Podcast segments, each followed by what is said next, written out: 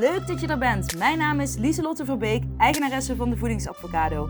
Ik help mensen gezond te leven door hun fabulous feelings als waardekompas te gebruiken en zo ook het leven te gaan leiden wat bij jou past. Dit doe ik middels acceptance en commitment therapie, universele wetten, zelfliefde en ik werk hier op de podcast vooral vanuit Inspired Action. Ik wil je inspireren en helpen wel die veranderingen te maken in je leven. Ben je er klaar voor? Woehoe! Let's go! Hey, hallo lieve. Super leuk dat je er weer bent. Ik ben er ook. Alleen niet helemaal met al mijn benodigdheden, want ik ben tijdelijk mijn microfoon kwijt. Voor de mensen die uh, mede-ADHD'ers zijn, die zullen zich wel, wellicht herkennen in het scenario dat je dagelijks wel weer iets kwijt bent. Meestal ben ik echt dagelijks mijn sleutels kwijt, bijvoorbeeld. Ook al leg ik ze op dezelfde plek. ik heb geen idee. Pardon. Nou ja, het is gewoon zo. Maar uh, het goede nieuws is dat ik altijd vertrouwen erin heb dat het wel weer boven water komt. En dat gebeurt ook altijd. Dus ja, wat dat betreft uh, noem ik het ook. Ik ben het tijdelijk kwijt. Ik kan het tijdelijk even niet vinden. Maar ik heb er volledige vertrouwen op dat het uh, goed gaat komen. Dus ik ben lekker aan het wandelen. Want het is mooi weer. Het is uh, nou ja, zonnig. Mooi herfstweer.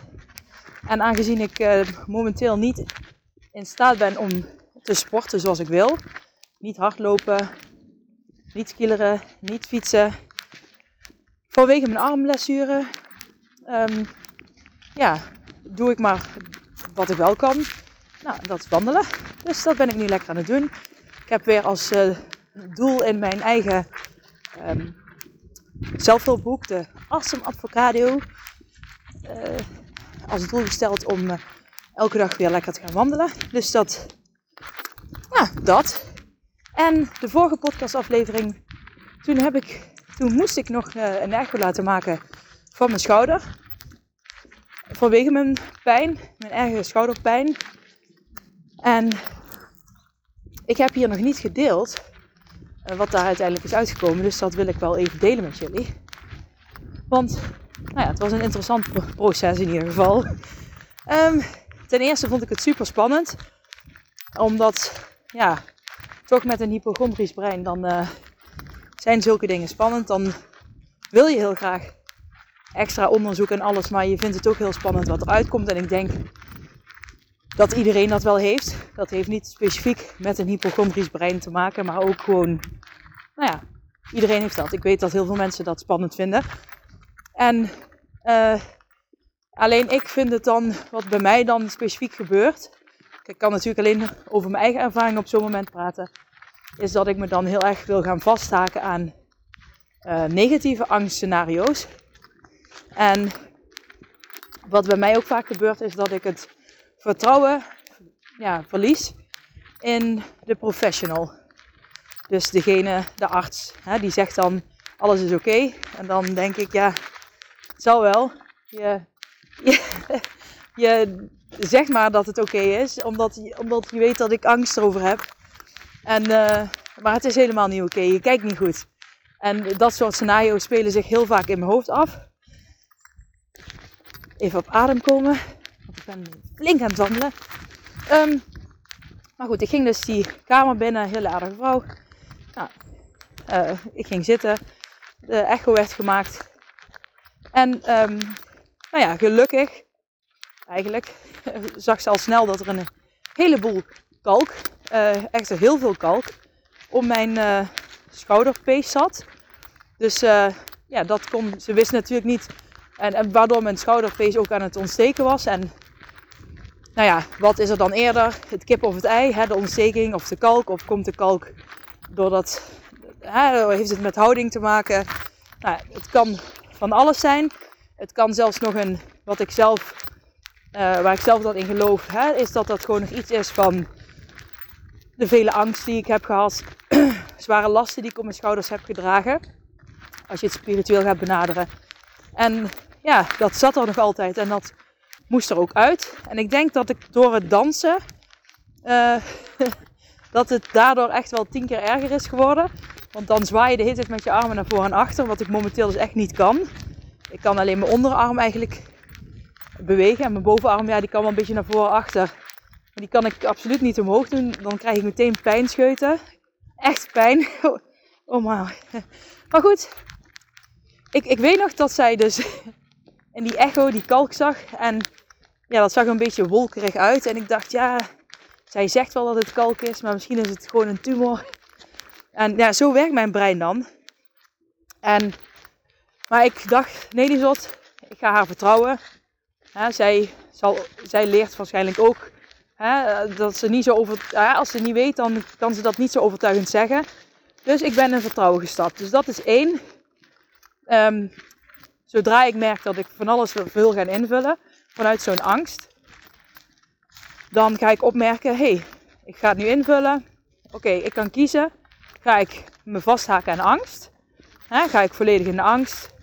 Um, dan ben ik en angstig en focus ik me nog meer op de pijn. Dus heb ik en angst en heel veel pijn en ik kan niet goed functioneren. Uh, of ga ik in vertrouwen stappen, waardoor ik me meer, kan focussen op de dingen die ik leuk vind. Op het werk wat ik bijvoorbeeld doe. Op hè, dat ik nou lekker kan wandelen, deze podcast kan opnemen. Dat ik een heel leuk weekend met mijn gezin heb kunnen hebben. Um, en dan ga ik ervan uit van oké, zij zegt wat het is. Ik vertrouw erop. Zij heeft een behandeling. En dan komt het goed. Ja, en elke keer. Uh, ik heb constant pijn, dat kan ik je vertellen. Want ze heeft meteen diezelfde dag een uh, shockwave behandeling toegepast. En dan gaan ze dus op die plek um, van de echo waar ze die hele vele kalk zagen, heb ik 2600 schokgolven gekregen. En wat ik daar interessant aan vind, is uh, die schokgolven. Ja, ik bedoel, ik ben geen specialist op dit gebied, maar zo heb ik het begrepen. Die schokgolven, die, uh, nou ja, die gaan sowieso de structuur van de kalk veranderen. Waardoor die meer kan gaan vergruizen. Hè, waardoor het soort van gaan, kan gaan, ja, een andere structuur wordt. Waardoor je lichaam het makkelijker kan afbreken. En ze geven dus 2600 keer een klein trauma. Dus eigenlijk een klein schopje op die hele pijne pees.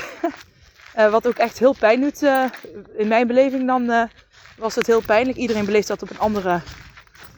ja, iedereen heeft een andere ervaring daarover. Maar ik vond het heel pijn doen. um, en dan krijg je een soort... Wordt er steeds tegen de, dat pijne peesje aangeschopt met die geluidsgolven. Waardoor je eigenlijk uiteindelijk dus een nog meer uh, ontstekingsreactie uit gaat lokken. Waardoor je lichaam dus meer ja, alert wordt gemaakt van hé, hey, daar is iets en dat mogen jullie gaan oplossen. Dus het zelfhelend vermogen van je lichaam wordt daarmee geactiveerd. Wat ik super vet vind, want dat is helemaal in lijn van ja, wat ik vet vind. dus uh, ik vond dat wel gaaf dat, dat ze dus op die golven werken. En dat zo'n geluidsgolf dus gewoon um, ja, zo hard kan binnendringen. En dan maak ik meteen een koppeling naar creatieve therapie, vaktherapie. Hè? Want officieel ben ik ook vaktherapeut, waar ik me... Uh, als dat ga ik me ook weer. Dat kom, daar kom ik dadelijk weer, uh, daar kom ik later in deze podcast wel even op terug. Uh, maar onder creatieve therapie heb je dramatherapie, je hebt beeldentherapie, maar ook muziektherapie bijvoorbeeld psychomotorentherapie, speltherapie. Maar bijvoorbeeld muziektherapie, dat, dat heeft ook heel veel effecten. Met hè, wat bepaalde liedjes die bepaalde emotie oproepen. Of muziek wat gewoon bijna helend kan zijn uh, wanneer je heel rot voelt. Kijk, ik vind het bijvoorbeeld heel fijn om binaural muziek te luisteren. gewoon om te ontspannen. Maar ook als ik aan het werk ben, dan zet ik wel eens binaural muziek aan met een bepaalde frequentie op focus. En het beste kun je dat dan met koptelefoon doen. Dan krijg je in beide oren andere geluidfrequenties.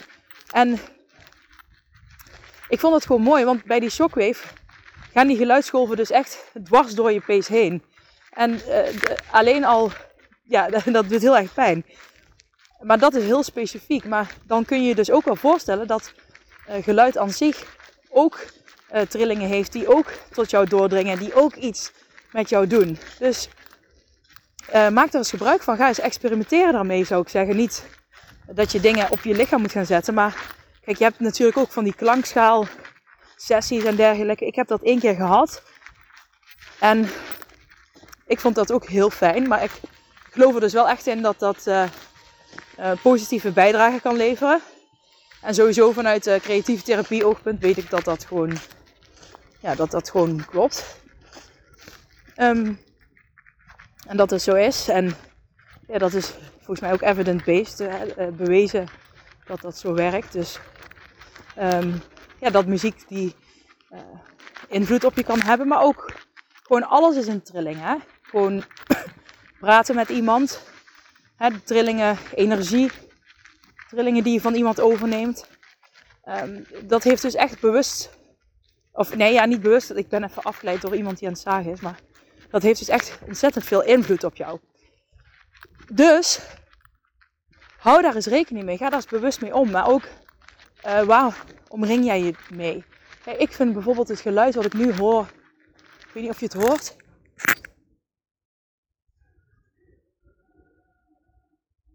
Ja, je hoort op de achtergrond. Er zit hier een uh, school, maar je hoort de wind door de bomen waaien, de blaadjes vallen naar beneden. Dat is ook een hele rustgevende trilling, een rustgevende sound, waar mijn lichaam ook rustig van wordt. Als ik uh, nou ja, in een klas met 50 kinderen ga staan, dan, uh, ja, dan, dan heb je een hele andere trilling. Daar kan ik ook energie van krijgen, maar dat vreet ook energie. Dus dat. Um, wat wilde ik nou nog meer zeggen? Nou, terug naar die shockwave. Ik heb de shockwave gehad. En dat was pijnlijk. Uh, ik kon daarna geen auto rijden, nog steeds niet overigens. Ik kan die draai met mijn arm niet goed maken. En woensdag krijg ik alweer de tweede sessie. En dan krijg ik er in totaal vier, geloof ik. En dan krijg ik bon, bontage.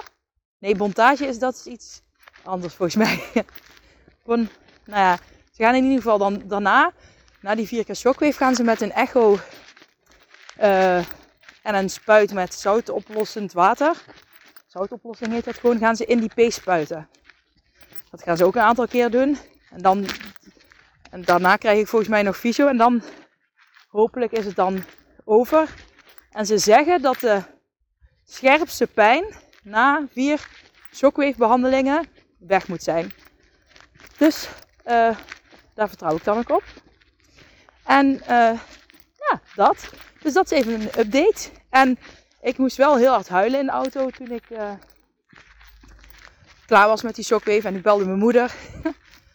en ja, ik moest ook gewoon huilen omdat ik zei ja. En heel veel mensen geloven mij nooit. Uh, als ik ergens last van heb. Omdat ik nogal snel in de stress kan raken door lichamelijke klachten. Omdat dat mijn trigger is voor angst. En de grootste angst is dan eigenlijk dat uh, mensen je niet serieus nemen. En uh, nu werd ik dus wel heel serieus genomen. En er is ook daadwerkelijk iets waardoor die pijn ontstaat. En dus ik dacht, ik ben niet gek. Het is niet pijn die ik zelf creëer. Ik denk al, het moet wel, ik moet wel, nou ja, eh, ik kan, ik weet dus dat ik met mijn mind zulke erge pijn kan creëren. Um, maar ik vond het wel heel knap als ik dit ook zelf had gecreëerd. Maar ik kan het wel, zeg maar, dubbel zo erg maken met mijn mind. Door alleen maar te focussen op die pijn. En door in die angst te blijven stappen. Dus door me vast te haken aan de angst. Want dat, ik zeg het gewoon tegen mezelf ook steeds. Het heeft, geen, heeft het, het heeft gewoon geen zin. Het heeft geen zin om in angst te stappen. Want de pijn gaat er niet sneller mee weg. En uh, ik ga niet sneller uh, vooruit in mijn leven met de dingen die ik wil. Het enige wat ik kan doen, is mijn leven doorleven met die pijn. En erop vertrouwen dat ook dit weer overgaat. En het is een fase, zoals ze ook wel eens bij kinderen zeggen. Oh, mijn kind is zo lastig. Het is een fase, het is een fase. Wordt er dan wel gezegd. Nou, dit is ook een fase van mezelf. maar ik ben serieus wel vet trots op mezelf. Dat ik um, op dit punt kan komen. Kijk, en je moet je voorstellen En mensen die dit herkennen, die weten hoe overweldigend. En dat hoeft niet alleen een angst te zijn. Hè. Ik heb het nu steeds over mijn hypochondrieangst, maar dat kan ook een gedachte zijn. Uh, een negatief zelfbeeldgedachte. Of over eten, over voeding. Uh, dat kan ook zo'n hardnekkige gedachte zijn die jou helemaal kan vangen en de leiding over jouw leven kan gaan nemen. Hè? Waardoor het, die, het, het lijden met korte ei, lijden met lange ei gaat worden. En doordat ik dus nu in vertrouwen kan stappen. Hoi hoi, sorry ik werd gebeld door een vriendin. Die staat aan mijn deur. Ik ben vergeten dat we een afspraak hebben, dus ik loop nou weer uh, naar huis. En nou ja, onderweg kan ik gewoon nog de podcast afmaken. Maar ik was aan het vertellen dat ik nu dus gewoon in vertrouwen kan stappen. En uh, hoe doe ik dat? Dat doe ik wel echt met um, act techniek oefeningen. Um, om afstand. Uh, ik heb, hè, om te eerst beginnen met. Nou ja, stap 1 is bewustwording.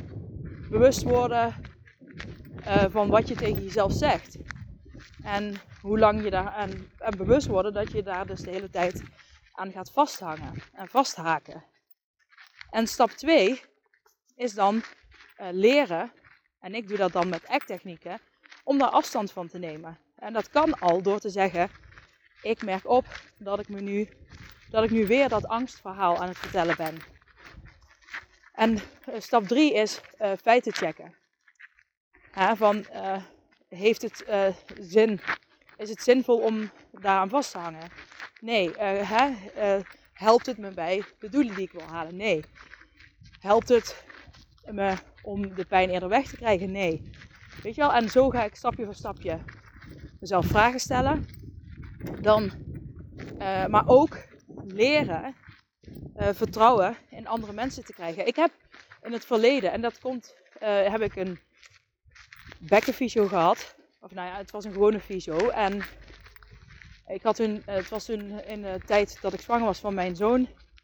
En ik had toen erge bekinstabiliteit. En zij heeft mij toen niet op de juiste manier uh, behandeld als fysiotherapeut. Ze had me eigenlijk al lang door moeten sturen. Uh, waardoor ik uiteindelijk in een rolstoel terecht ben gekomen. Um, en het was ook gewoon omdat ze zei: Oh, heb je pijn hier? Ga maar op krukken lopen. Heb je pijn? Oh, nou dan gaan we vertellen met een rolstoel. En ik volgde haar advies op, maar doordat ik dus steeds minder ging bewegen, ging alles nog vaster zitten. En nog pijner doen. En ik kwam ook nog moeilijker in beweging. En ik had in principe, toen ik dus um, bij Spine and Joint Center in Rotterdam terecht kwam, uh, twee jaar later, ja, zij hadden mij geleerd van je moet juist uh, in beweging blijven. En steeds die grens opzoeken Hè, tot waar kan ik gaan? En uh, zo proberen op te bouwen. En daar hadden we dan een heel rekensommetje voor. Daar zal ik je niet mee belasten verder. Ik moet zeggen, ik weet hem ook niet meer precies uit mijn hoofd. Uh, maar ja, hoe, lang kan ik zitten? Hoe lang kan ik staan? Hoe lang kan ik lopen? En dat moest je dan maal zoveel doen. En dan zoveel kun je dan per dag bewegen. Nou ja, anyways. Dat. Dus um, ga bij jezelf ook eens kijken van Oké, ga je eens eerst bewust van worden. En hoe kun je er bewust van worden? Nou, ook bijvoorbeeld door te schrijven. En uh, ga dan eens experimenteren met opmerken. En dan stap 3 is dus die statistieken. En dan stap 4 is dus opnieuw kiezen. ga je kiezen voor angst of kies je voor vertrouwen?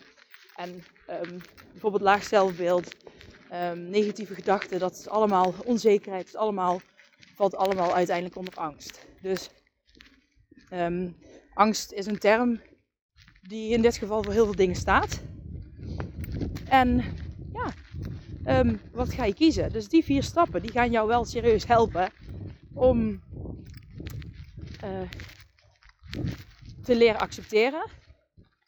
Uh, om te kunnen gaan met ongemak en toch je pad te blijven volgen.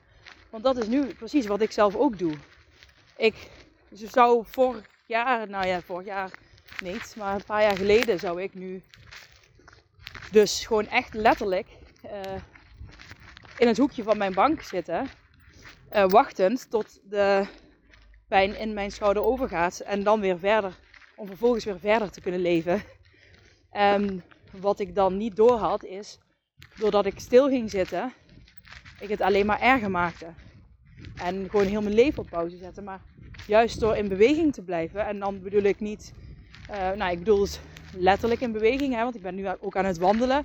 Hè, gewoon met de mogelijkheden die je hebt. Um, dus niet in de slachtofferrol gaan zitten van ik kan nou niet sporten, dus oké, ik, kan dit, ik kan heel veel dingen die ik heel graag doe, kan ik nu niet doen. Ik vertrouw erop dat ik dat wel weer kan doen. En ik blijf gewoon lekker in beweging, omdat ik weet dat dat goed voor me is. En dat heeft ook weer met die fabulous feelings te maken. En durven kiezen voor jezelf, die zelfliefde, leiderschap nemen. Alles wat ik teach. En wat ook allemaal trouwens in mijn online zelfstandige cursus zit. Uh, die ik, die, ja, die moet je, daar gaat heel snel iets heel cools overkomen. Dat moet je echt even in de gaten houden. Um, ja, dat. Dus uh, durf in um, vertrouwen te stappen. Durf met die vier stappen om te gaan. Ik uh, ga nu afsluiten, want ik kom nu op een drukker stuk op de weg. En er staat hier ook allemaal politie op de weg. Die is mensen aan het controleren. Volgens mij staan ze zelfs verstopt achter een bordje, zie ik. En ik denk dat ze de snelheid aan het meten zijn. En heel veel boetes aan het uitdelen zijn. Oh ja. Kijk, als je niet, als je, nou ja.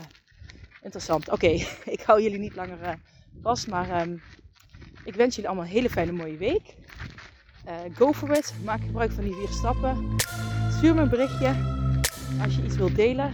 Vind ik leuk. En hou mijn Instagram in de gaten, want binnenkort komt iets heel cools. Doei! Hey, hallo lieve jij. Bedankt voor het luisteren naar mijn podcastaflevering. Vind je hem nou heel waardevol? Deel hem dan vooral op social media. En tag me erin. Op Instagram is dat Lieselot-Verbeek. En vergeet vooral niet 5 sterren te geven wanneer je beluistert via Spotify. Yes, dankjewel. Dag lieve jij. Tot de volgende. Doei.